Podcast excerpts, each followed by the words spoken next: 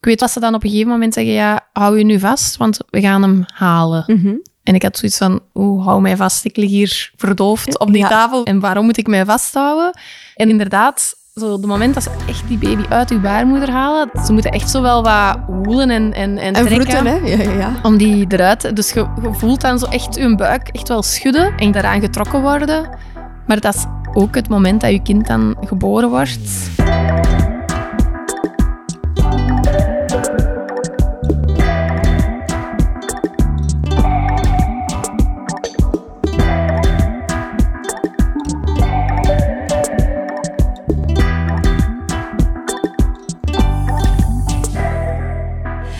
Vandaag hebben we Eva Tuitelaars in de podcast. Welkom Eva. Misschien is het wel fijn voor de luisteraars dat jij eens heel eventjes begint met jouzelf voor te stellen. Ja, ik denk dat de meeste mensen mij kennen van Instagram, omdat ik daar nogal veel volgers heb en over het ouderschap momenteel heel veel deel. Al twaalf jaar lang denk ik dat ik op Instagram actief Amai. ben. Ja, dat is, Bestaat eh, al twaalf jaar. Ja.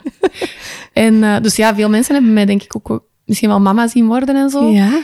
Maar als je zo vraagt van, ja, wie ben ik? Heel veel mensen vullen dat dan aan door te zeggen wat dat ze doen Mhm, of, of en welke rollen dat ze aannemen. Maar ik vind het misschien interessanter om te zeggen, als ik denk aan hoe dat andere mensen mij zouden omschrijven, dan hoop ik dat ze denken dat ik iemand ben met nogal veel levensvreugde, zo zie ik mezelf toch. Mhm. Zelfrelativering.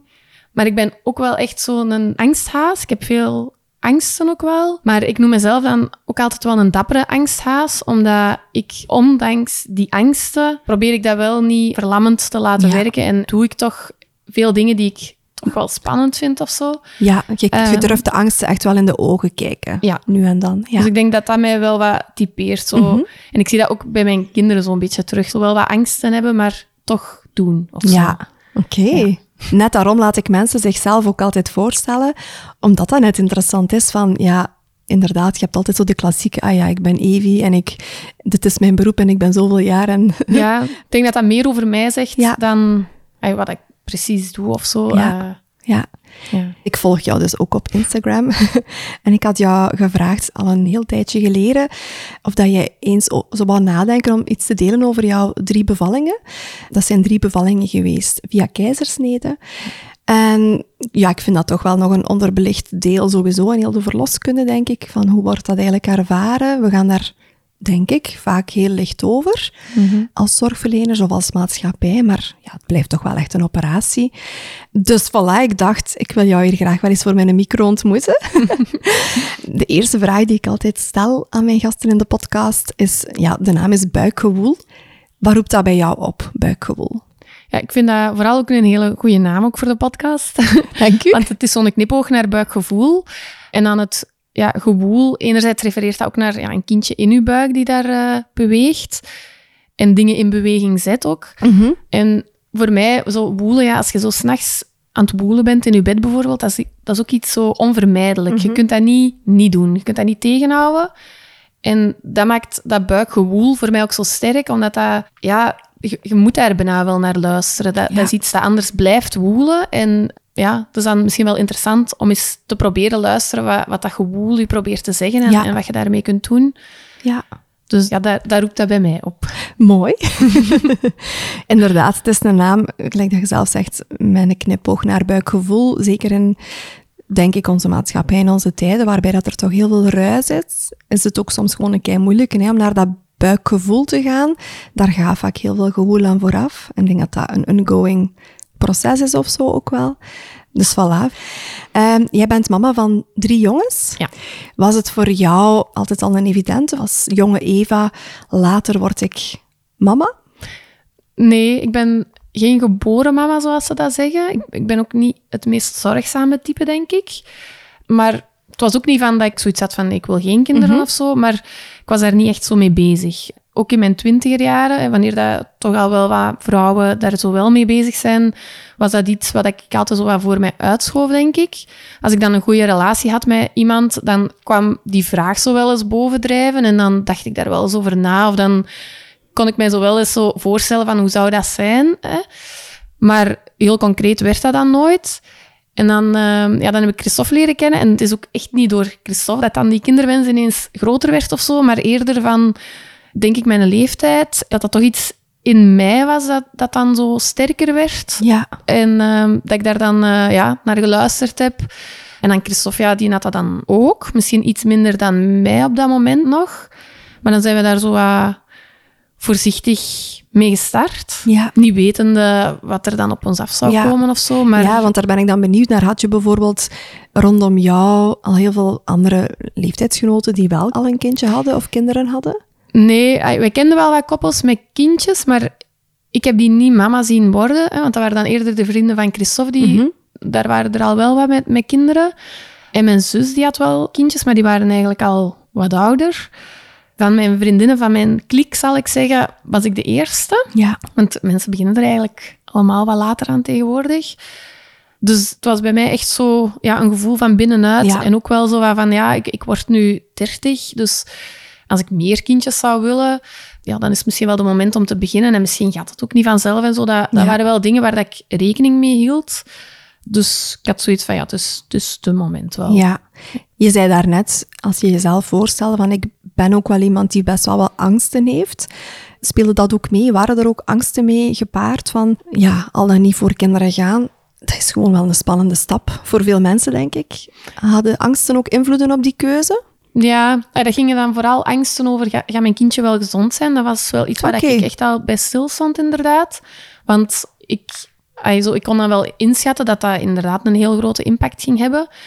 En ik had ook wel zoiets van, ja, het leven dat ik nu heb met Christophe is wel een fijn leven of zo. Ik zag ook wel mezelf dat nog lang doen. Ja. Dus ik had zelfs ook voor mezelf uitgemaakt op voorhand al van, mocht het toch niet lukken of niet helemaal vanzelf gaan, dan was, ben ik ook niet zeker of dat ik wel zo andere stappen had gezet om toch... Om eh, die wens te voltooien. Ja. omdat ik dan zo, ja, dan hadden wij misschien wat meer gereisd en zo. Maar ik wil dat wel ook nuanceren in de zin van, ik ben iemand die ook wel van gedachten kan en, en durft veranderen. En ik vind dat ook een goede eigenschap. Dus dat had wel misschien. Wel nog anders zijn, Ja, ja. gegaan. Zeker als je dan toch kinderen in de, bij de vriendenkring of bij de familie en zo, dan kan ik me voorstellen dat je daar wel anders over gaat denken nog. Ja, er zijn best wel wat vrouwen hè, die dat aangeven op voorhand van oké, een kindje is welkom, maar stel dat het niet natuurlijk komt, ja, dan gaan we ook niet verder de stap zetten naar fertiliteit bijvoorbeeld. Maar ik denk dat dat inderdaad een heel moeilijke claim is om te maken Ja, of zo, of als je ja. snapt wat ik bedoel. Want eens dat je dan effectief toelaat dat een zwangerschap welkom is, dan zijn er eigenlijk al zoveel processen in gang gezet dat je, denk ik, dat moeilijk kan inschatten Nee. hoe ver dat je zou gaan. Net zoals dat wij ook merken, mensen die in een fertiliteitstraject zitten, aanvankelijk zeggen die soms van oké, ik wil enkel inseminaties, we gaan echt niet over naar IVF of ICSI. Eens dat je op die terrein zit, is het vaak, ja, ga je je verwachtingen ook wel wat bijstellen en je grenzen worden soms wel wat vager, denk ik, Ja, ja, ja. en wat verlegd. Hè? Dus ik vind dat wel fijn dat je dat ook nuanceert. Eh. Maar dat is hoe dat jij er wel over dacht aanvankelijk. Ja, hoe, hoe dat ik er toen op Ja, dat moment inderdaad in stond. Had jij een idee van, oké, als een kindje nu welkom is, dat kan ook wel eens echt een aantal maanden duren. Had jij voor jezelf zo gedacht van, we rekenen hier gemakkelijk een jaar voordat wij zwanger gaan zijn? Nee, ik, ik, ja, ik had gehoopt ergens dat dat dan vanzelf gaat. Also, ik wou er niet te veel mee bezig zijn, omdat die tip hoorde dan ook vaak, ja, je mocht er niet te veel mee bezig zijn, want dan heb je stress en dan lukt het zeker niet. En het is vooral die tip dat ik dan iets te veel ter harte nam, want ik trekte mijn cyclus eigenlijk ook bijna niet en zo. Ik had zoiets van, ik wil er gewoon niet mee bezig zijn, dan, Ja. dan heb ik geen stress of zo en dan, en dan is die teleurstelling misschien ook minder groot. Maar dat klopt eigenlijk helemaal niet, want je krijgt dan elke cyclus weer je, je regels. En elke keer je regels krijgt, is dat toch weer van, ah ja, het is, het is niet gelukt. Ja. Maar toch heb ik heel lang vastgehouden aan zo, ja, ik, ik ga er niet te veel mee bezig zijn. Ah ja, uiteraard probeerde wel heel veel hè, met je man. Maar eigenlijk was ik wel niet bezig op, ben ik dan nu echt op de meest... Ah ja, Vruchtbare dagen dat aan dan doen. zo vaak dat dat dan wel eh, waarschijnlijk op de juiste momenten ook gebeurde. Maar ja, ik denk wel dat ik er te weinig mee bezig was om... Want het heeft uiteindelijk een jaar geduurd bij Ja. ons. En ik denk ook wel dat er zeker maanden hebben tussen gezeten dat het gewoon ook niet mogelijk was of zo. ja. Dat je zo gezegd de vruchtbare window gemist Ja. had of zo. Ja, ja. Hey lieve luisteraar, ben jij op zoek naar intieme verzorgingsproducten die je veilig kan gebruiken tijdens de zwangerschap en na de bevalling? Ontdek nu het Belgische pareltje Shincare, dat speciaal ontwikkeld werd door de gynaecoloog die 34 jaar geleden mijn tweelingbroer en mij in stuit op de wereld begeleidde. Waarom zou jij kiezen voor Shincare? De producten zijn dermatologisch en gynaecologisch getest. Ze zijn veilig voor de intieme microflora. De milde formules zijn vegan en van natuurlijke oorsprong. En bovendien is het een bewust merk dat werkt met lokale partners. De producten van Shincare zijn jouw ideale metgezel voor de verzorging en het herstel van jouw intieme zone na de bevalling. Ze hebben een zwangerschapsbox samengesteld die vier geweldige producten bevat, waaronder een olie voor perineummassage en een peribottel die je kan inzetten om te spoelen na je bevalling. Ik ben alvast van. Maak jezelf of een zwangere vrouw blij met de zwangerschapsbox en geniet van een gratis levering dankzij de exclusieve code BUIKGEWOEL24. Je vindt alle informatie terug op de website shincare.com en daarnaast kan je de producten ook aankopen in jouw lokale apotheek. Ben je benieuwd naar meer? Je vindt de link aan de code voor gratis levering terug in de show notes. Test het zelf uit en ervaar de zachte zorg van Shincare. Het heeft uiteindelijk bijna een jaar geduurd. Merkte je daar ook een shift doorheen dat jaar van hmm, maand na maand blijven, blijven ja, je begint zo wel wat zenuwachtiger te worden. En ik vond dat ook heel raar om te merken dat ik ineens zo terug meer begon te feesten en zo een beetje begon te vluchten van dat is hier niet aan het lukken of Mhm. zo. Dat leven dat je dan ineens voor ogen hebt. Dus ik ga dan dat andere leven terug wat Ja. meer exploreren of zo. En je doet dat tegelijk, wat eigenlijk heel raar is, want je bent met kindjes bezig en, en tegelijk ga je zo meer feesten en, Ja. en met je vrienden op stap, die dan zelfs niet eens weten dat je daarmee bezig bent. Ja, want dat had wou ik vragen. Wisten zij dat niet? Nee, ik weet dat ook niet waarom. Ik vond dat toen voor mij een belangrijke om dat echt zo voor ons te houden. Enerzijds omdat ik zo mensen wou verrassen ook daarmee. En anderzijds ook wel weer vanuit het idee van, ja, misschien lukt dat niet. En als dat niet lukt, wil ik niet voor altijd die vriendin zijn bij wie dat, dat dan niet gelukt is. En waar dat Ja. ze dan misschien niet meer alles tegen durven zeggen of gevoelig... eh, dat ze zouden sparen of ja. zo. Ja. Oké. Terwijl dat, dat is, ja, ik ben zo iemand die heel veel nadenkt en dan Ja. ook in de plaats van andere mensen gaat denken. Dus Heel vermoeiend, denk ik ja, ook. Hè? ja. Ja, Maar want als je dan zo terugdenkt aan dat jaar, had jij het fijn gevonden om het wel te delen met een aantal vrienden, vriendinnen dicht bij jou? ik weet het niet. Ik, ik- achter, dat, dat kan ik eigenlijk moeilijk zeggen, omdat toen ik dan uiteindelijk zwanger werd, dat was ook heel gek, want ik had denk ik wel een paar keer zo'n zwangerschapstest gedaan tijdens dat jaar, dat dan negatief was. Maar waarbij ik ook niet altijd veel verwachtte. Maar die maand dat ik dan uiteindelijk zwanger werd, ik voelde mij zwanger ineens. Ja. Ik, ik, Intuïtief. ja, want ik kon op die moment zelfs nog niet testen, omdat dat nog te vroeg was. En, en ik wist zelfs niet van het bestaan van die sneltests af en zo. Maar er was zo'n avond dat er een eh, première was, waar ik meeging met Christophe. En ja, ik straalde echt, vond ik, van mezelf. Ja. Omdat ik zo... Ik wist dat ik zwanger was of zo. En, ay, of dat gevoel had ik, zonder dat ik dan nog... Christophe Zonder dat je het bewijs En- had. Ja. Ja. En ja, ik dacht, ja, het, is echt zo nu. Ik had zo die, die innesteling precies ook wel gevoeld en, Ja. en zo. Dus er waren wel wat lichamelijke veranderingen waar dat ik dan, ehm, die dat ik dan nog niet eerder had gevoeld. Dat ik dacht van, oké. En dan twee dagen later heb ik dan zo'n test gedaan. En ja, er kwam geen tweede streepje. Mhm. En zo na, ja, ik denk na vijf of tien minuten heb ik dat dan zo weggelegd. was ik echt teleurgesteld, want ik was ervan overtuigd dat ik zwanger was. En dat bleek dan niet zo te zijn. Ik heb dat ook stiekem weer gedaan. En na, ik denk, ja, na twintig minuten of zo pak ik toch dat nog eens op. en ik zie zo heel vaag, maar echt super, super vaag, toch In een tweede streepje. Zo van, en dan dacht ik van, want ik had er maar één, dus ik kon het ook niet opnieuw testen. En eh, ja, even later kwam Christophe dan thuis en, en ik, ik heb dat ook helemaal niet romantisch verteld, want ik zo, ja, ik denk dat ik zwanger ben. En, en die ook zo van, hé, maar... Die was nog niet mee. dan ook naar die test en die zo, nee. ik zei, jawel, er, er staat een tweede streep, ja. En ik voel dat en die zo, ja... Die, die kon eigenlijk ook nog niet mee blij zijn, omdat hij zoiets had van, we zijn hier misschien blij voor, voor niks. Ja. Of, of het, het is misschien niet zo. En het was aan een weekend en we zijn toch ook niet naar een apotheek van wacht gehold of zo. We, dan hebben nog gewoon de gewacht? spanning gewacht. Ja. Ik, ik was er eigenlijk wel vrij zeker van. En ik had zoiets van, ja, dan, dan blijf jij maar wat wachten. Op, eh, en dan maandag denk ik naar de dokter gegaan, bloedtest. En dan was het zeker. Ja. Maar het is dan ook in die periode dat ik wel... Dus ik was dan vanaf dat ik zwanger was, heb ik dat wel tegen mijn vriendinnen gedeeld. Oké, omdat ja. ik dan, dan kon ik ineens niet meer wachten. Dan was Ja. dat eh, euforie ook alom. Ik was daar eigenlijk echt wel blij mee. En ik had, er was eigenlijk ook, ook niks in mij dat dacht van dat dat ook mis kon gaan toen. Dus daar had ik dan geen zo Geen angsten over. angstgedachten Nee. over. Nee. Want veel mensen inderdaad hebben zo nog wel zo die neiging van de eerste twaalf weken mag je het niet zeggen. Ik zeg mag met haakjes, omdat er nog zoveel mis kan gaan. De kans dat, Ja. dat het eh, eindigt in een zwangerschapsverlies. Dus daarom delen we het niet met onze omgeving. Maar dat was eigenlijk niet iets wat dat jou toen bezig hield. Nee. nee. Omdat ik ook niet wist op dat moment dat dat ook zo vaak gebeurde. Ah. Want ik had ook, ja, ik was dan even later, ga je dan naar de gynaecoloog voor je eerste echo rond acht weken. En dat was allemaal positief, maar zij zei toen wel, ook in dat eerste gesprek dan, van eh, ja, eh, de kans is nog altijd heel groot dat er iets misloopt. En ik denk dat zij toen 1 op 5 of zo zei. En toen was dat zo van, ah, oké. Ja, ja, eh, ja. Voetjes op de grond ja. even. Ja. maar ook, die zei dat wel, maar dat was niet iets dat, ehm, waar ik dan ineens wel zo angstig rond werd. Omdat we hadden die in acht weken echo, dat zag er ook goed uit en zo. En ik had er zo op zich wel vertrouwen in. Ja, Ja. fijn. Ja. Voelde jij jou fysiek oké, die zwangerschap? Ja, ik heb dat nogal ehm, wel gehoord in een van jouw eh, podcasts. Maar zo die eerste drie maanden... Ik was super blij met dat ik dan zwanger Mhm. was, eindelijk ook. Maar ik heb mij die eerste drie maanden heel neerslachtig gevoeld. Ja, dus maar puur hormonaal, toch? denk Ja. ik. Ja, zo emotioneel. Zo...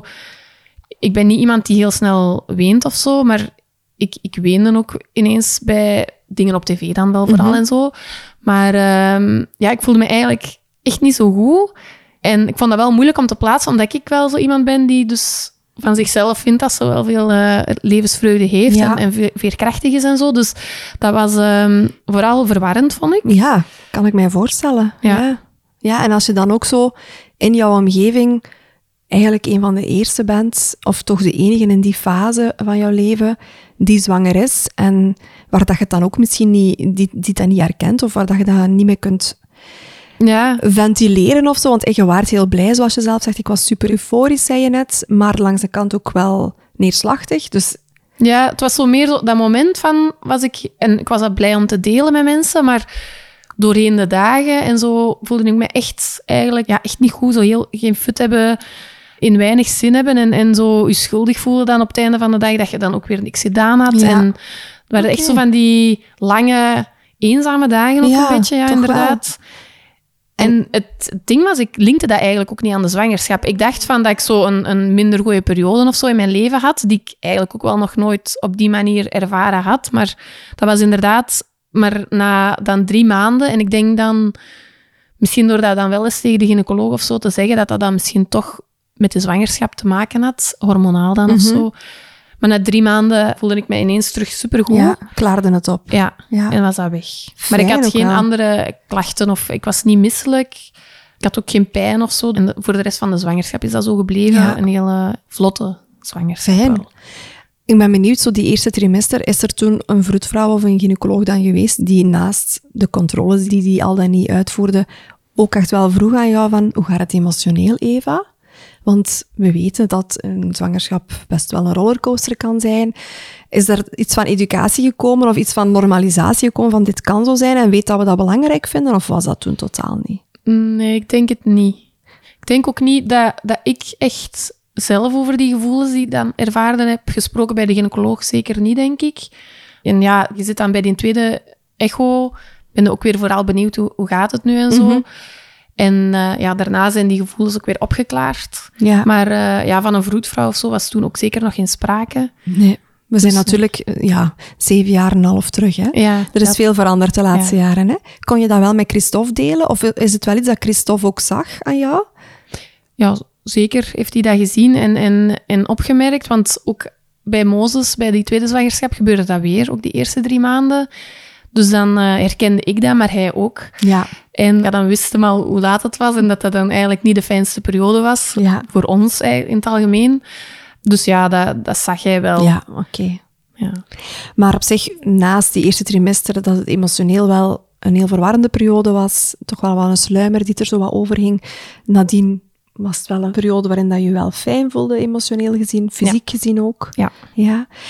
Je had een gynaecoloog van een vroedvrouw, was nog niet echt sprake toen.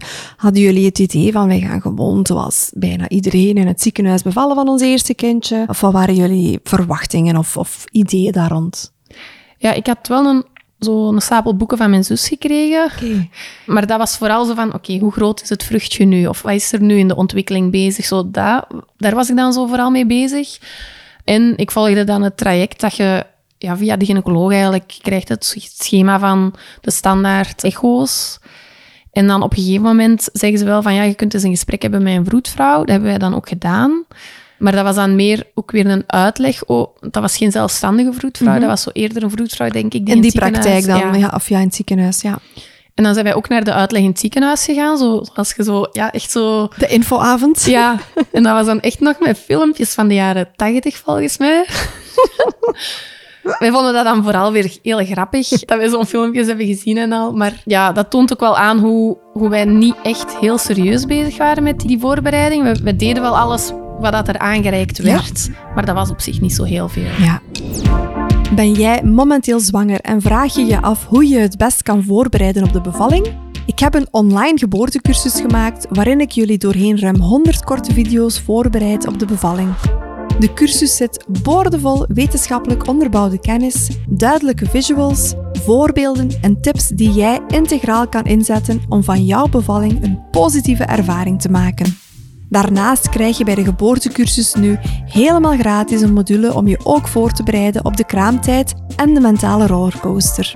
De online cursus kan je van thuis uit volgen op je eigen tempo en zo vaak herbekijken als je wil. Schrijf je nu in via buikgewoel.be slash cursus en gun jezelf de beste voorbereiding. Ruim 160 meer dan tevreden koppels gingen jou al voor.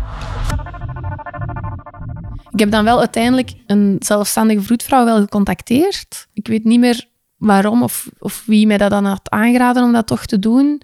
Maar dat is zo op het einde van de zwangerschap. En dat vond ik wel heel fijn, omdat ik daar dan wel vragen naar kon sturen. Want ja, ik ben wel iemand, hè, zoals ik zei, ik ben Mhm. wel angstig. Ja. Dus ik had een zorgeloze zwangerschap. Maar ja, er gebeurt van alles Ja, met je ja. lichaam dat je niet kent en zo. En je voelt toch van alles. En je wilt toch altijd weten van, ja, is dat normaal? En mijn placenta lag ook vooraan. Dus er waren ook momenten dat ik helder niet meer zo goed voelde. En ik ben twee keer wel zo in paniek naar het ziekenhuis gereden, omdat dat dan twaalf uur lang eigenlijk niks gevoeld had. Ja, ja, ja, voor die harttoontjes toch Ja. eens goed te controleren. Ja. En de eerste keer stond ik echt zo al aan het onthaal te wenen. Ik voel mijn baby niet meer. En dan ben ik naar de verloskamer gebracht en werd ik snel gerustgesteld. De tweede keer had ik al zo van, oké, ik heb dit alles Ja. gehad, het kan wel meevallen. Maar toch, blij, ah, die angst, blij, anders gaat ook niet naar het ziekenhuis Nee, natuurlijk. Maar ik- wat dat betreft was ik wel blij dat er een vroedvrouw ook was die ik kon contacteren. Ja, en dat er wat ruimte was inderdaad om jouw bezorgdheden toch met te delen of, of vragen aan te stellen. Ja. Voor de luisteraars misschien wel interessant. Kindsbewegingen zijn inderdaad wel een hele belangrijke parameter om goed in de gaten te houden. En vanaf 24 weken in de zwangerschap zou je je kindje alle dagen toch goed moeten voelen bewegen op verschillende momenten. Twijfel je daar ooit over? Alsjeblieft, neem contact op met je zorgverlener. Dat blijft een belangrijke tot jouw baby geboren is. Dus ook op het einde, waar we heel vaak, jammer genoeg, nog denken van ja, maar het is normaal dat ze minder bewegen. Dat klopt niet. Baby's moeten tot het einde heel veel blijven bewegen. Het kan anders aanvoelen, maar ze moeten wel actief blijven. Twijfel je, contacteer je zorgverlener. Ik vind dat voor me ook... Eigenlijk vind ik dat dan gewoon te horen van... Oké, ik ben toch niet te paniekerig weer geweest of zo. Nee, dat is op zich wel niet. goed dat ik dat... Nee, absoluut niet. Want Nee. je voelt jezelf snel zo van... Oh, ik is Ik zo'n bange mama. Ja, Want ja. ik was gisteren op spoed en daar, ik zag daar dus vooral zwangere vrouwen binnenkomen. En ik, Ja. ik herkende dat mezelf ook weer zo, ja. Ja. Vond jij dat lastig om die stap te zetten, om naar het ziekenhuis te gaan, inderdaad, om dat te laten controleren toen?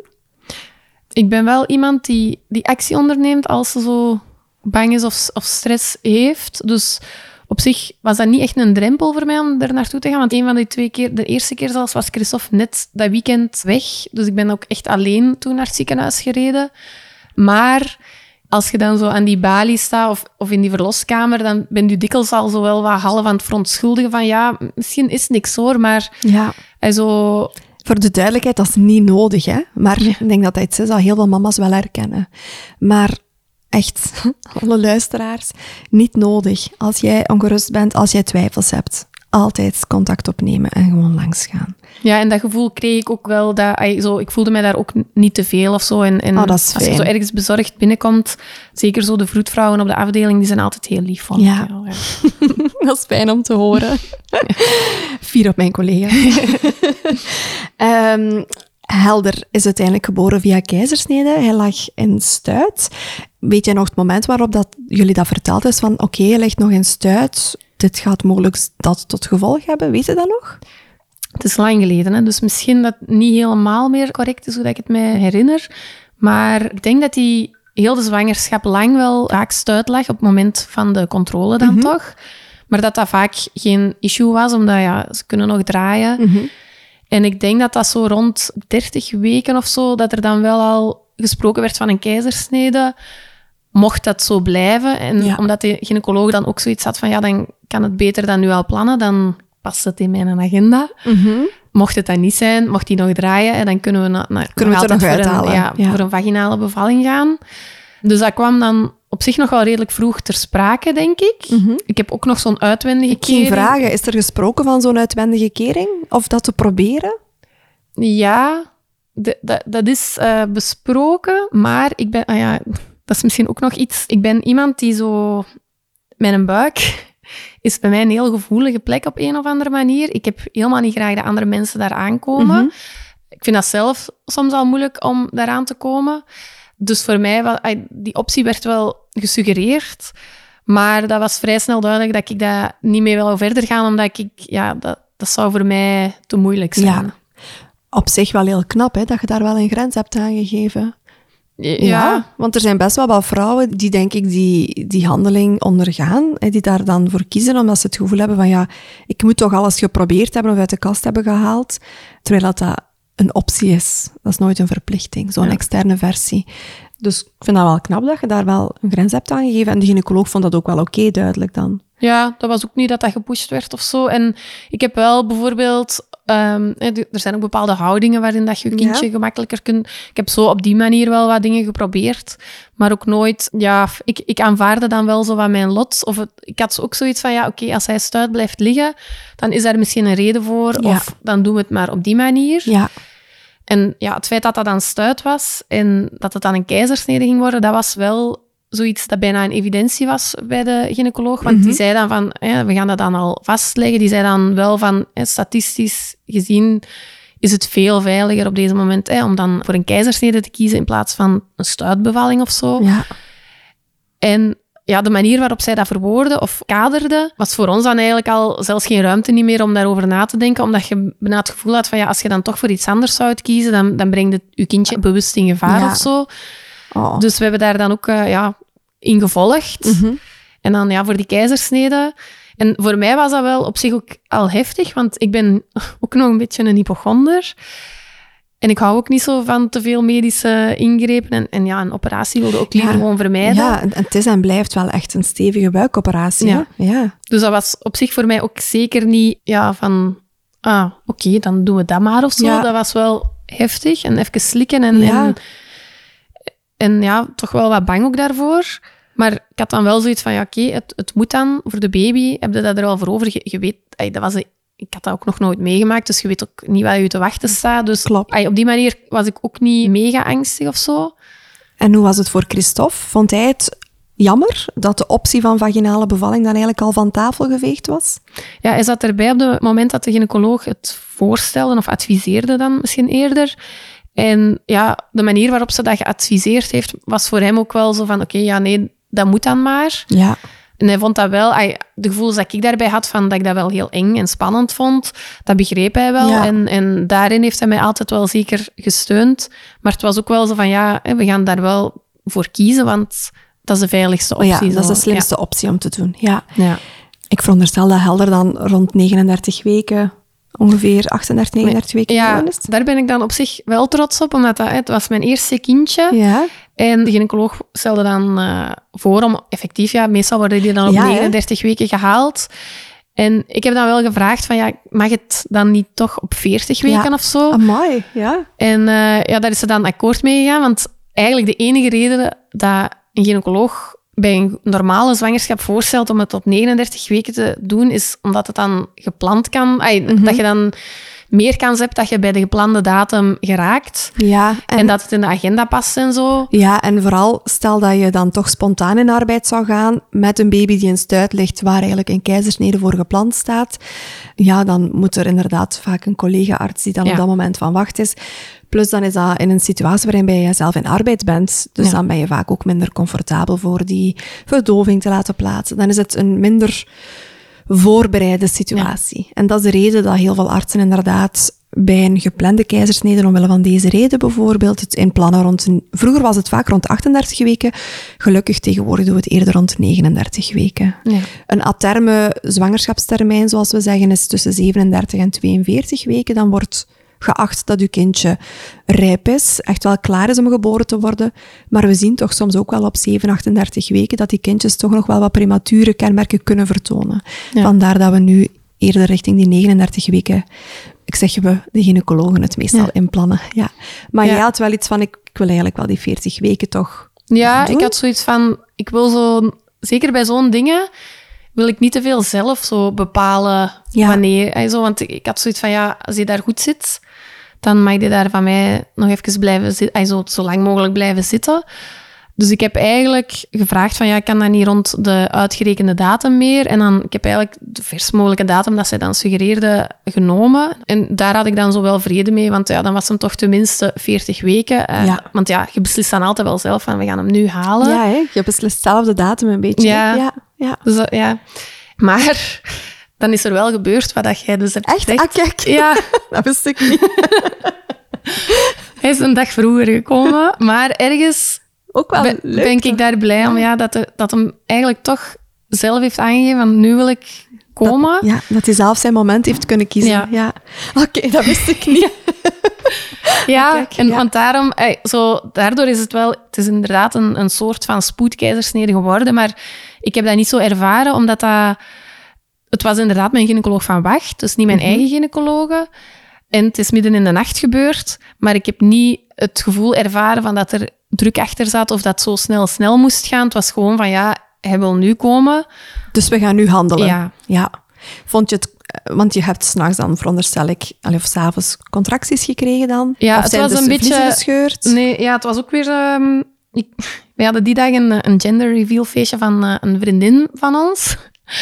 En eh, je moest dan in de kleur gaan van wat je dacht dat ging worden. Dus ik was volledig in het roze gekleed. En ik had heel de dag... ah, 's morgens was ik mijn slijmprop verloren. Mhm. En voor de rest van de dag was er wel zo vaak dat ik zo, dat ik zo precies zo wat waterachtig verlies Mhm. had. En zo om de tien minuten ook zo wel, ja, een soort contractie, maar ik zou het ook geen contractie Een durven opspanning toch wel. Zo, ja. ja. Een voorwee misschien een beetje. Ja, Ja. dus er was zo wel iets aan de gang. Het was aan het rommelen, zoals Ja. we dan zeggen. En ergens was ik blij zo van, ah ja, want morgen gaat het gebeuren. En hij is, hij is, hij is, ook mee. al klaar. Hij is mee in het verhaal, ja. En ik had dan die vroedvrouw, die zelfstandige vroedvrouw, dus ik heb die wel gebeld, want op dat moment dacht ik wel dat ik ween had. En zij is dan gekomen, want dat is ook iemand die thuisbevallingen Mhm. deed en zo, dus die dan komen kijken. Maar die zei mij zo van, ja, je hebt niet genoeg pijn om echt al van wee te spreken. Maar ik achteraf wel, ja, ik denk achteraf dat het wel wee waren. Mhm. En ze heeft denk ik ook gekeken van of ik ontsluiting had en zo, maar dat was eigenlijk ook allemaal nog niet. Dus zij was eigenlijk redelijk gerust en ik mocht dan die een dag verder doen wat ik gepland had. Dus wij naar dat feestje. Ja. En s'avonds is Christophe in bed gekropen, want die had toen shiften op zijn werk. Die werkte toen voor de krant en het was aan de Olympische Spelen in Rio, denk ik. Ja.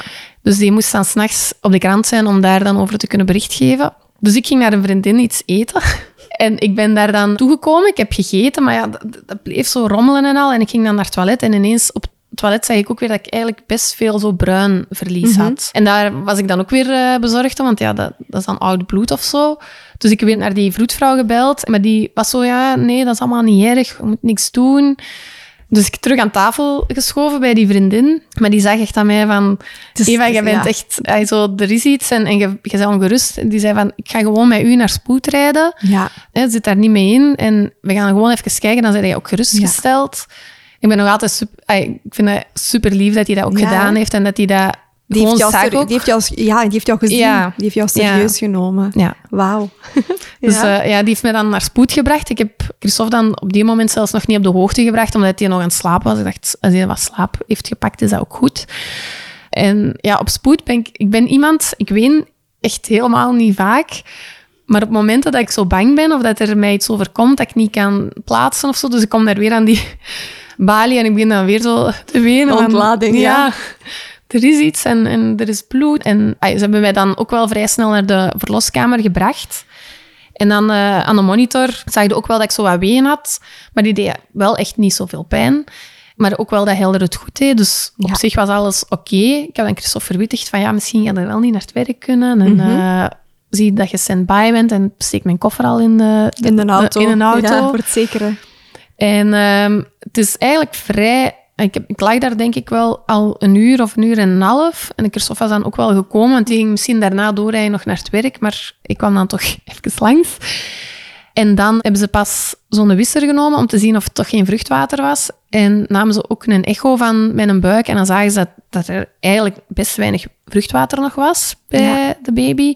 En dat ik dus vruchtwater aan het verliezen was. Maar dat was dan waarschijnlijk zo'n een klein scheurtje van boven of zo. Ja, dat kan. Hè.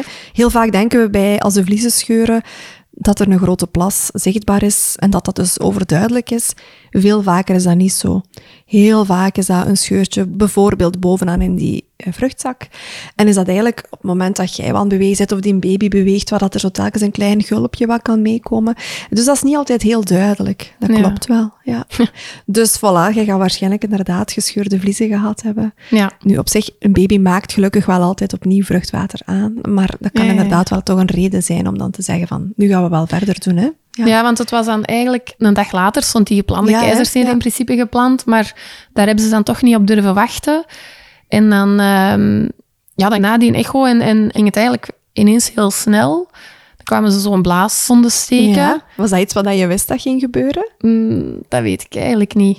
Want toen Ik vond wel dat dat... Dat is niet fijn, hè? Nee. Allee, Ik vind dat zelfs nog een van de minst leuke dingen... Ay, leuke dingen. aan het proces. Ja, omdat je... Dat voelt allemaal. En, en, en oh, nee, dat is echt Ja. niet, niet leuk. Want op dat moment heb je nog niet de verdoving, hè. Vaak, gelukkig, tegenwoordig, wordt die blaaszonde in gecontroleerde omstandigheden, geplande omstandigheden, vaker gestoken als de verdoving al zit, zodat je daar eigenlijk niks van voelt. Ja, dat heb ik dus Ja. met mijn derde keizersnede kunnen ervaren, dat, dat ze dat pas op het OK doen na de verdoving. Ja. En dan, ja, dan voelde Dan is dat dat niet. twee dus, keer niks, ja. hè? Nee, allee, qua pijn toch niet, hè? Ja. En de vroedvrouw kondigde dat ook zo heel blij aan, van eh, We, gaan we doen het voortaan zo. Ja. We hebben er ook voor geijverd als vroedvrouwen, zei ze toen ook tegen mij. Dus daar was ik ook heel blij om, dat, dat, dat, Dat er, er ook een positieve is. evolutie in zat. Ja. Maar dus toen bij Helder hebben ze eigenlijk voor de verdoving gewoon op de kamer al gezegd van we Ja. gaan alvast de blaaszonde steken. Een infuusje waarschijnlijk ook in Ja. de arm of in het hand. En dan kwam de gynaecoloog van Wacht binnen. En ja, dat is een- dan effectief de eerste keer dat ik die zag. Ja, ja, inderdaad. Ja. Je hebt je eigen gynaecoloog negen maanden lang. Ja. Maar op zich vond ik dat... Ja, dat is ook weer wel spannend, want ja, je kent die niet. Dus die, die kwam zich voorstellen. Die was eigenlijk wel heel lief en zo. Dus ik had er op zich wel een goed gevoel bij. En die wandelde terug de deur uit. En Christophe en ik, wij keken elkaar aan en wij zo... Is die al afgestudeerd? Omdat ze heel jong Ja, uitzag. zij zag er heel jong en ook zo een heel... Ja, zo dunne, vri- vrije vrouw of zo. En wij hadden zo... Oei. en we hebben die dan direct gegoogeld. En dan bleek eh, dat dat gewoon inderdaad een, een gynaecologe was. Een staflid daar, ja. Dus dan was dat ook eh, oké. Grappig. Je zei daar juist van, het ging dan plots wel allemaal snel. Ging Ja. het in jou of in jullie beleving te snel? Nee, omdat ik, ik had... Wat voor mij beangstigend had geweest op dat moment, is dat als je voelt dat het team zelf een beetje stress heeft of zo vindt dat het heel snel moet gaan, dat gevoel had ik wel helemaal niet. Ik vond wel dat iedereen rustig bleef, maar Ja. zowel van, oké, we gaan het nu wel in gang zetten, maar ik had wel het gevoel dat, dat de normale procedure gevolgd werd voor... Stel dat dat een geplande keizer, dat er wel tijd werd genomen voor alles, maar dat het gewoon iets vroeger Ja. gebeurde. Het voelde niet aan voor jou dan op dat moment of voor Christophe als dit is een spoedsituatie, we Ja. moeten hier nu alle Nee. hens aan dek. Nee, Nee. het was gewoon, oké, change of plans, we gaan nu wel gewoon verder doen. En- Ja. Maar eh, Ja, en ik wel- zag ook op de monitor hij zo de hartslag van Elder deed het goed en Hij zo. Dus goed, was, ja. er was eigenlijk geen reden tot paniek. Alleen dat vruchtwater ging waarschijnlijk niet genoeg niet meer zijn voor nog lang in te blijven zwemmen. En vaak is het ook, als we weten dat de vruchtzak inderdaad gescheurd is, dan ze zullen bij jou ook niet duidelijk geweten hebben hoe lang dat dit al was. Ja. Er is zo een richtlijnprotocol dat je dan vaak wenst dat die baby toch binnen de 24 uur geboren wordt, om de kans ja, op infecties ook kleiner te houden. Ja. Dus dat kan het zeker ook meegespeeld hebben, denk ik, in hun achterhoofd. Ja. Ja. En op zich, ergens was ik dan ook blij van, ja, hij heeft zelf gekozen. Ik moet ook niet die nacht beleven van voor de geplande keizersnede, want da, daar keek ik ook echt tegenop. Zo van, het gaat gewoon nu gebeuren. Ik ga dit ondergaan. En ja, dus dat is gewoon wel heel spannend, want je wordt dan uiteindelijk naar het OK gereden en ze beginnen dan met, denk ik, ja, de epiduralen ook te steken.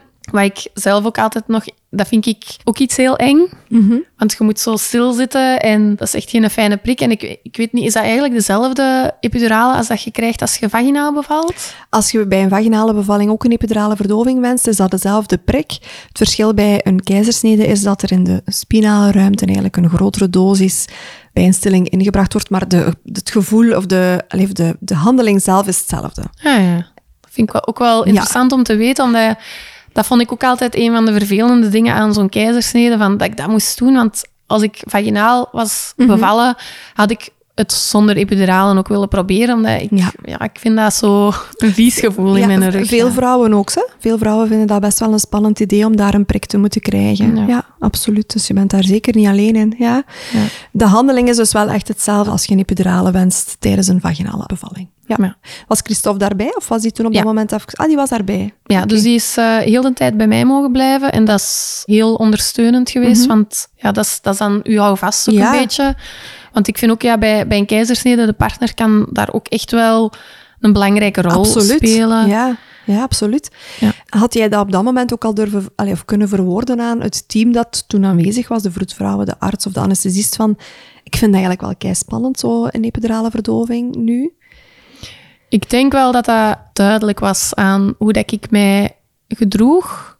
Want zo op die moment zelf gaat dat allemaal zo wel snel. En, en ja, ik, ik ben heel angstig geweest, maar het is pas achteraf, na zelfs de twee spoedkeizersneden dan, dat ik besef dat dat best wel een traumatische ervaring is geweest ook voor mij. Omdat ik, ik ben van nature al zo angstig en ik was ook bang voor die operatie.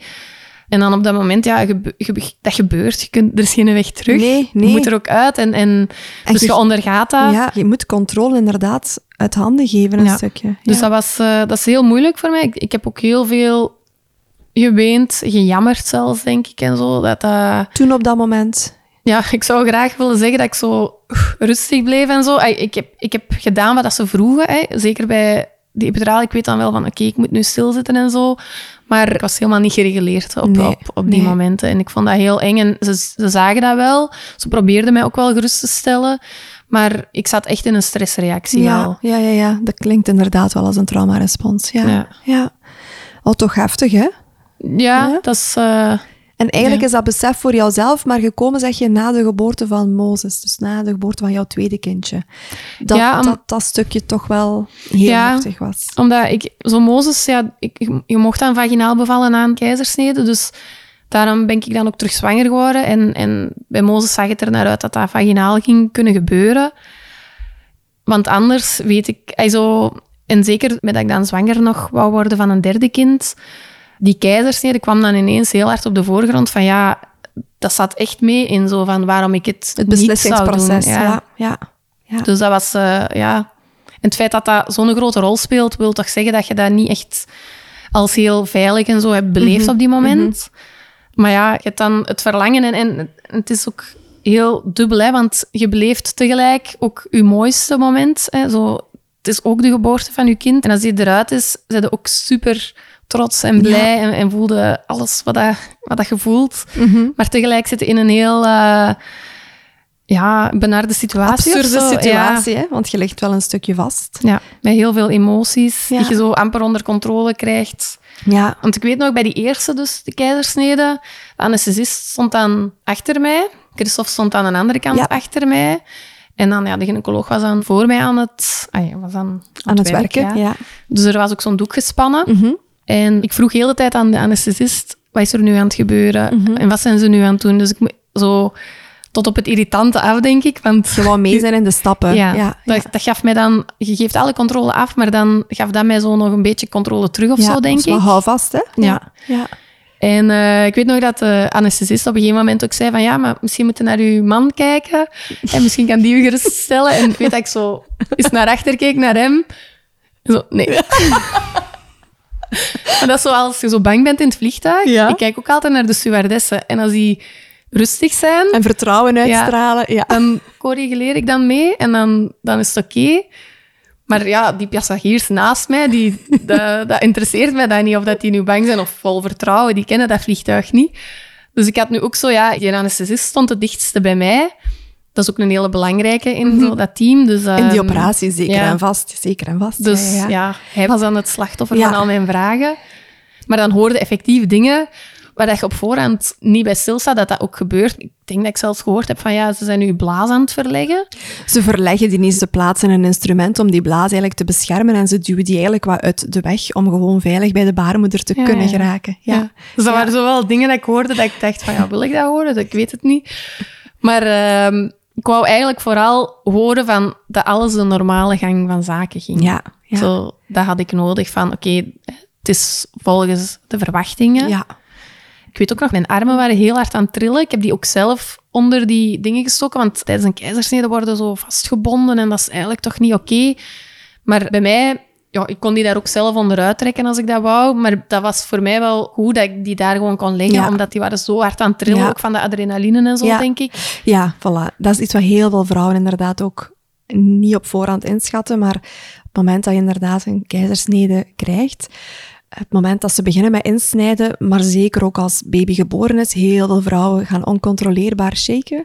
En dat is inderdaad, jouw lichaam heeft zoveel opgebouwde stress, die dan eigenlijk stukje bij beetje wordt losgelaten. Je kunt dat ook niet tegenhouden, maar als je dat niet weet, wat dat is, kan dat wel heel beangstigend zijn, dat jouw lichaam toch zo kan trillen. En vrouwen die vaginaal bevallen, hebben dit vaak ook na de bevalling trouwens. Of Ah, op het ja, moment dat een epidurale zit, dat ze inderdaad die ook die eerste minuten ja, even zo van het lichaam laat... Dat is eigenlijk gelijk een dier, hè. Een dier dat heel veel angst heeft gekend, dat kan ook zo plots oncontroleerbaar beginnen trillen. Dat is eigenlijk een beetje hetzelfde. Dat is die adrenaline, ja. Ja. Ging die keizersnede aan zich, je hebt ei- eigenlijk een beetje de anesthesist als ankerpunt gekozen op dat moment om mee te zijn in het proces. Ging dat naar jouw gevoel vlot? Ja, Allee, ja, dat is dan ook iemand dat je nog nooit gezien hebt en heeft een mondkapje op en zo. Dus, ehm, maar voor mij was die informatie denk ik gewoon belangrijk. Ja, dat gaf mij dan een klein beetje houvast. En, en had je het gevoel van, vanaf we ingesneden zijn, het gaat wel vooruit nu? Want veel vrouwen schrikken wel hoe rap die baby eigenlijk al geboren is. Eens Ja. een keizersnede doen. Ja, dat is eigenlijk heel snel inderdaad. Hè. Voor mij ging dat wel traag, omdat ik dan zo bang was. Maar in absolute tijd was dat inderdaad heel snel. Maar het is ook zo heel die voorbereiding en zo, want op een gegeven moment, de anesthesie begint dan te werken. En dan bij een keizersnede gaan ze zo met een koud watje over je benen. En dat vond ik ook heel spannend, omdat je zo voelde dat wel juist, dat je, dat je Dat je geen niks pijn... voelt, ja. Want je moet wel het watje voelen, maar je moet dat niet voelen dat dat koud is of zo. Ja. Ja. Ja. Dus ja, ik had ook zoiets van, oké, is dat wel zeker? Zo ga ik zeker niet voelen als ze hier zelfs beginnen snijden. Maar dat was oké bij jou. Ja, ja. Gelukkig. Misschien ook hier voor luisteraars die totaal niet weten waarover we het hebben. Eens dat inderdaad de- verdoving zit, dan gaan ze controleren of die verdoving op de juiste plaats werkt. En dat doen ze dan eigenlijk inderdaad door met een watje of met een spuitertje met eter te controleren of dat de verdoving dan op de juiste plaats werkzaam is. En dan gaan ze eigenlijk kijken van voel jij inderdaad nog dat er hier nu een koude prikkel is of niet. Als dat niet zo is, dan eh, weten wij van oké, die verdoving die is goed werkzaam. We kunnen inderdaad starten. Ja, en dan beginnen ze inderdaad laagje per laagje Ja, open te snijden. Was er communicatie van die gynaecoloog uit naar jullie toe? Want dat was natuurlijk niet jouw eigen gynaecoloog. Of had jij echt tijdens de ingreep zelf vooral de anesthesist doen? Ja, de gynaecoloog zag ik op zich ook niet echt zitten. Ik denk dat die ook op een krukje zit. Ah, zo, die zitten dan zo Of die, achter of die staan recht, hè, meestal? Ja, ja. achter een, een doek. Ja. En ook doordat ik toch een beetje, denk ik, in stress was, heb ik dat allemaal niet zo heel bewust beleefd. Mhm. Ik weet wel dat ze dan op een gegeven moment inderdaad zeggen, ja, hou je nu vast, want we gaan hem halen. Mhm. En ik had zoiets van, oeh, hou mij vast, ik lig hier verdoofd op die Ja. tafel. En waarom moet ik mij vasthouden? En dat vind ik heel gek, dat je inderdaad, zo de moment dat ze echt die baby uit je baarmoeder halen, dat, dat is, ze maken ook een incisie van maar 10 centimeter om op die ontsluiting ook te lijken. Dat is, dat is nog smal. Mhm, mhm. Dus eh, ze moeten echt zo wel wat woelen en, en, en, En trekken. vroeten, hè? Ja, ja, ja. Om die eruit... Dus je, je voelt dan zo echt je buik echt wel schudden en daaraan getrokken worden. Maar dat is ook het moment dat je kind dan geboren wordt. Ja. En bij mij werd ook de doek naar beneden gehaald en zo, dat ik dat kon volgen. Oké. Ja, dus dat vond ik heel fijn. En ehm Toen was Helder, Helder daar. is ja. geboren, ja. ja. Mocht zij onmiddellijk even bij jou komen of moest zij eerst mee naar kinderartsen? Helder heeft dan even... Ja, ze, ze laten ook die navelstreng dan nog een beetje uitkloppen. Mhm. Dus die blijft dan zo wat in de buurt van je buik. En ze houden dat wel aan je mijn ziekenhuis heel steriel allemaal. Dus ik mocht daar dan niet aankomen of zo. Maar ja, zodra dat ze die dan hadden losgeknipt, denk ik dat Christophe hem gekregen heeft. En is dan ook even bij mij komen staan naast mijn hoofd en zo. Dus ik heb hem mogen zien. En dan zijn ze wel snel naar het kamertje in de operatiekamer gegaan, waar dat dan iets warmer is en waar dat Ja. ze hem controleren. De opvangruimte eigenlijk, hè? Ja. ja. ja. Dus dat was wel, ik hoorde hem nog en dat was dichtbij. En Was Christophe mee met Helder of was hij bij jou? ja, die was mee met Helder. Hadden jullie zo afgesproken op voorhand ook? Of ik weet niet of wij dat toen al hadden afgesproken, maar dat was wel, ay, dat was voor mij het meest logisch Ja. op dat moment. Ja. En eh op het moment dat Helder eruit is, dat, dat, dat blijft zo'n bijzonder gevoel dat ik toch wel even zo die, die angst en zo en die stress vergat. Hij was er ook. Ik denk dat dat ook wel een van de belangrijke dingen was. Hij was er, hij was gezond. Dat gaf mij even ook een, een gevoel van opluchting. Ja. En daar kon ik dan wel even op verder, want ja, dan Ja. moeten ze u nog helemaal dicht Ja, ja, ja, het is zo. niet gedaan dan inderdaad, hè, Nee. voor jou als vrouw. Nee. Ik denk dat het langer duurt nadien. Zeker, Ja. veel langer. Ja, Ja. ja. dat klopt. Maar naar mijn gevoel was dat korter. Oké, ja. Omdat ik heb ook het gevoel dat Helder eigenlijk redelijk snel terug bij mij was. Dus ik Mhm. heb dat niet ervaren als, oh, die blijven super lang weg of ik lig hier alleen of zo. Ik was echt zo in mijn euforiegevoel van hij is er. ja. Daar kon ik wel even op teren en dan kwamen ze terug. En dan eh, ja, lag ik gewoon de hele tijd naar Helder te kijken. Ja, ja. En dan kon het mij eigenlijk niet meer zo heel veel schelen. Al, Ja. alles wat, dan heb ik ook geen vragen meer aan een anesthesist Ah, nee, ik vond- ik ging het vragen. Ja. dan was ik gewoon verliefd eh, naar mijn baby Naar helder, ja. ja. Want je had wel die liefde op het eerste zicht? Ja. Ja? Ja. Is dat iets waar dat je op voorhand over nagedacht had van, zou ik dat voelen? Hoe zou ik dat merken? Ehm, wat waren jouw verwachtingen daarover? ja, ik weet niet, ik zag die nou zo graag in mijn buik, dat ik ook niet daarbij stil stond, dat ik dat gevoel dan niet zou kunnen hebben als, als hij geboren was. Ik was Ja. wel heel benieuwd natuurlijk, van Mhm. hoe, hoe ziet hij eruit? Ja, ja, ja. Want we hebben zo ene 3D-echo gehad, dat ik zo dacht van, oké, er zit een kleine Bart Simpson in mijn eh, buik. maar eh, ja, die bleek daar dan toch lijkt het toch niet op. Nee, en ik denk ook dat ik gewoon die 3D-echo's niet zo goed kan lezen. Maar die, was, ja, die zag er dan heel, heel mooi uit. Ja. Je eigen baby, denk ik dat je dan... eh, of ik zag die dan in ieder geval super graag. We zijn ook niet gescheiden geweest, nadien niet meer. Hè, zo, Voor de verdoving die het dan Ja. uitwerkt. Nee, je bent samen mogen blijven. ja. Ja, ik werd fantastisch. dan bij Helder, was dat wel ergens zo achter een gordijntje op de gang of zo, Mhm. denk ik, waar dat dan nog monitors stonden. En dan is de vroedvrouw ook direct komen helpen met mij eigenlijk zo terug uit die doeken, want hij, hij was dan in doeken gewikkeld om hem warm te houden in die operatiekamer. Ja, En dan ehm, denk ik dat ze vroeg, ja, wat moet hem aandoen? En dat hadden we dan ook wel klaargelegd en zo. Nu bij Rui, bij de derde, heb Ja. ik die niks meer aangedaan. Ja, hij was op skin op skin, ja. maar toen was dat van, ja, oké, doet die een body Ja. maar aan. ja. Dus dat voelt ze allemaal wel van oeh. Maar ja, ik denk daar verder allemaal niet te veel bij na. En dan eh, vond ik ook wel heel bijzonder bij Helder. Ik wist op voorhand dat ik borstvoeding wou geven. En ze legde die dan eigenlijk zo op mijn buik, maar niet op mijn borst. En ja, ze is zelf nog redelijk onbewe- on- Mhm. Immobiel, immobiel, Ja. ja. En Helder die deed echt die breast crawl. Crawl, zalig. Ja. Ja. Dus dat was... die- Wauw. Die, die trok... ai, zo, want ja, dat is dan Die trok baby- zichzelf. Ja. Ja, ja, ja. maar dat is mooi om te zien. Ja. ja. En die hapte dan ook direct aan. Begon ook direct te drinken. Dus dat was allemaal zo... Dat ging vanzelf. Kei natuurlijk eigenlijk, ja. Ja. Wauw. Ik, ik heb wel... Daar moet ik dan wel weer bij zeggen van...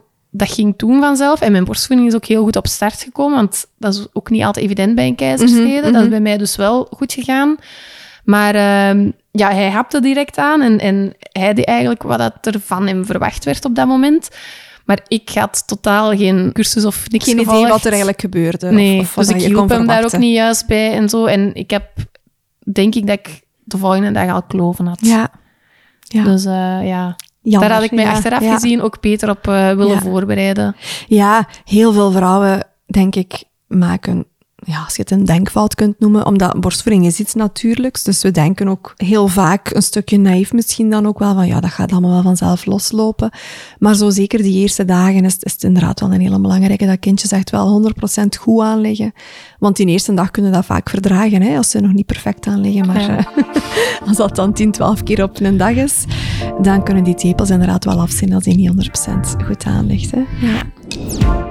Mispak je niet. Borstvoeding is iets natuurlijks, maar voor een vlotte start is er een zekere kennis nodig om een goed fundament te kunnen leggen in de eerste uren, dagen en weken.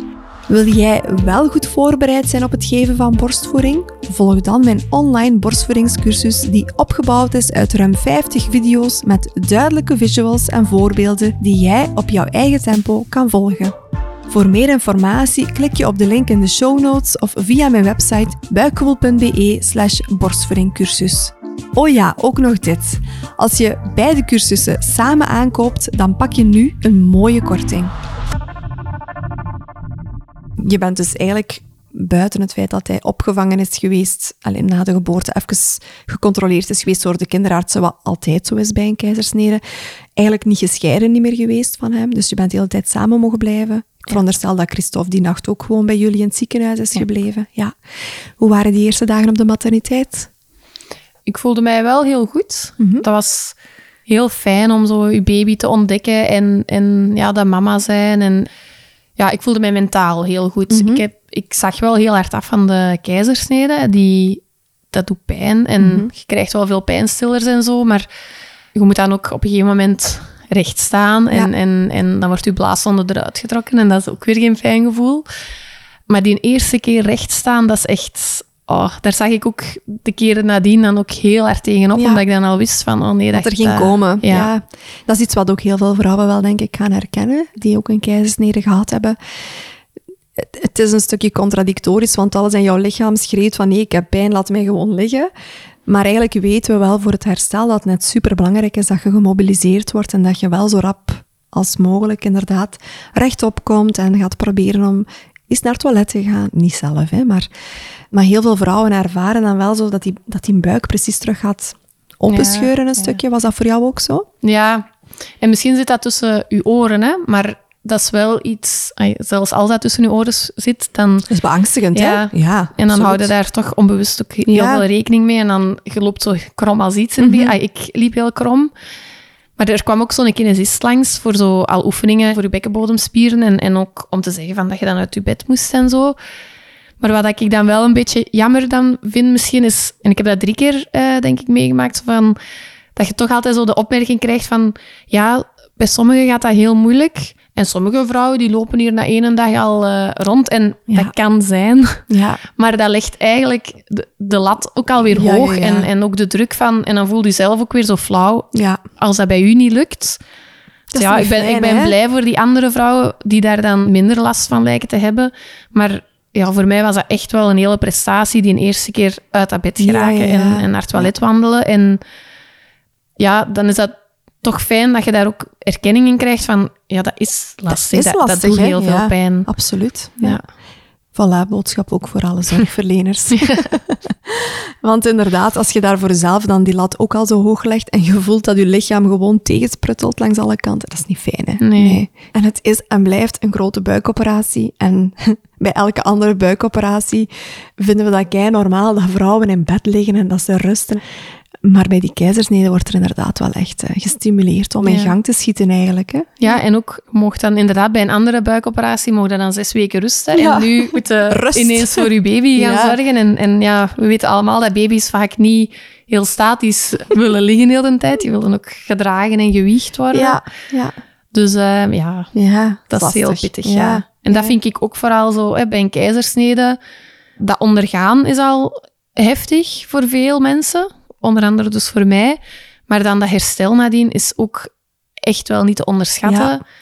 En ja, dat neemt ook een klein beetje wel van de joy weg, denk ik. Van, Zo'n verse kraamperiode. Ja. ik denk wel dat ik dat anders had beleefd als je lichaam niet zo tegensprutelt op dat moment. Want je maakt er het beste van. Hè? En het is op zich ook wel goed om gewoon te luisteren naar je lichaam en heel veel te blijven liggen en zo. En, en, En uw rust zeker ook te pakken. Ja, hè? ja, ja dat laat dat ook duidelijk zijn. Ja. Ik denk dat vooral, ik, ik heb zelf geen keizersnede gehad, dus ik kan dat niet invullen voor jou of voor anderen.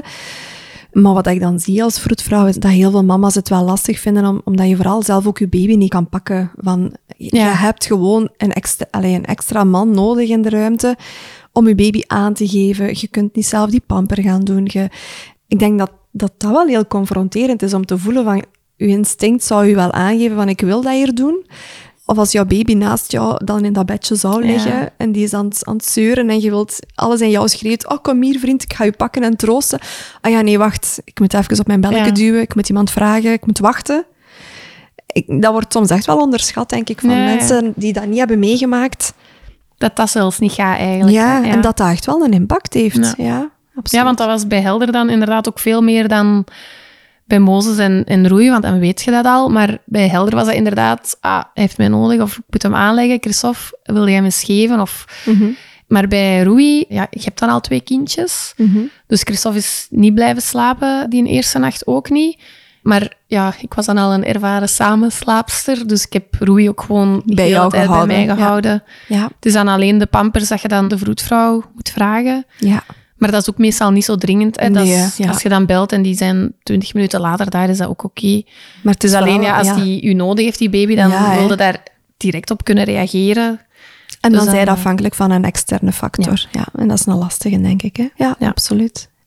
Ehm, die borstvoeding, je zegt de dag na zijn geboorte, had ik toch eigenlijk wel al kloven. Is dat verder op de materniteit uiteindelijk wel nog goed gekomen toen? Heb je het gevoel gehad van, we hebben wel een goede begeleiding gehad van een vroedvrouw, lactatiekundigen eventueel? Oh, nee, dat begon eigenlijk meer en meer pijn te doen. Ik kreeg wel zalf, ik kreeg wel telkens opnieuw tips om hem aan te leggen. Er werd ook gevraagd van, als hem nog een zwanger heeft, belt, dan, dan komen we en dan leggen we hem mee aan. Dat deed ik ook, maar soms, ja, als je niet er direct zeggen wilt, ook niet wachten met aanleggen en zo. En het is ook vaak elke keer een andere vroedvrouw, dus vaak is die aanpak ook zelfs een beetje anders en zo. Dus dat is wel lastig Ja, op de materniteit om dat goed te krijgen daar.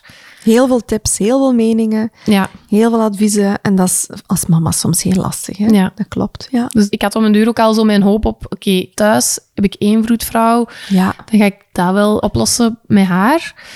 Maar je bleef Ehm, wel echt overtuigd van borstvoeding, we gaan dat echt wel Ja. blijven een kans geven, ondanks dat het nu een hobbelige start is. Ja, Ja. ja. en dat was, dat was echt pijnlijk, hè, want ik ben gevoelig, maar ik heb wel een hoge pijngrens.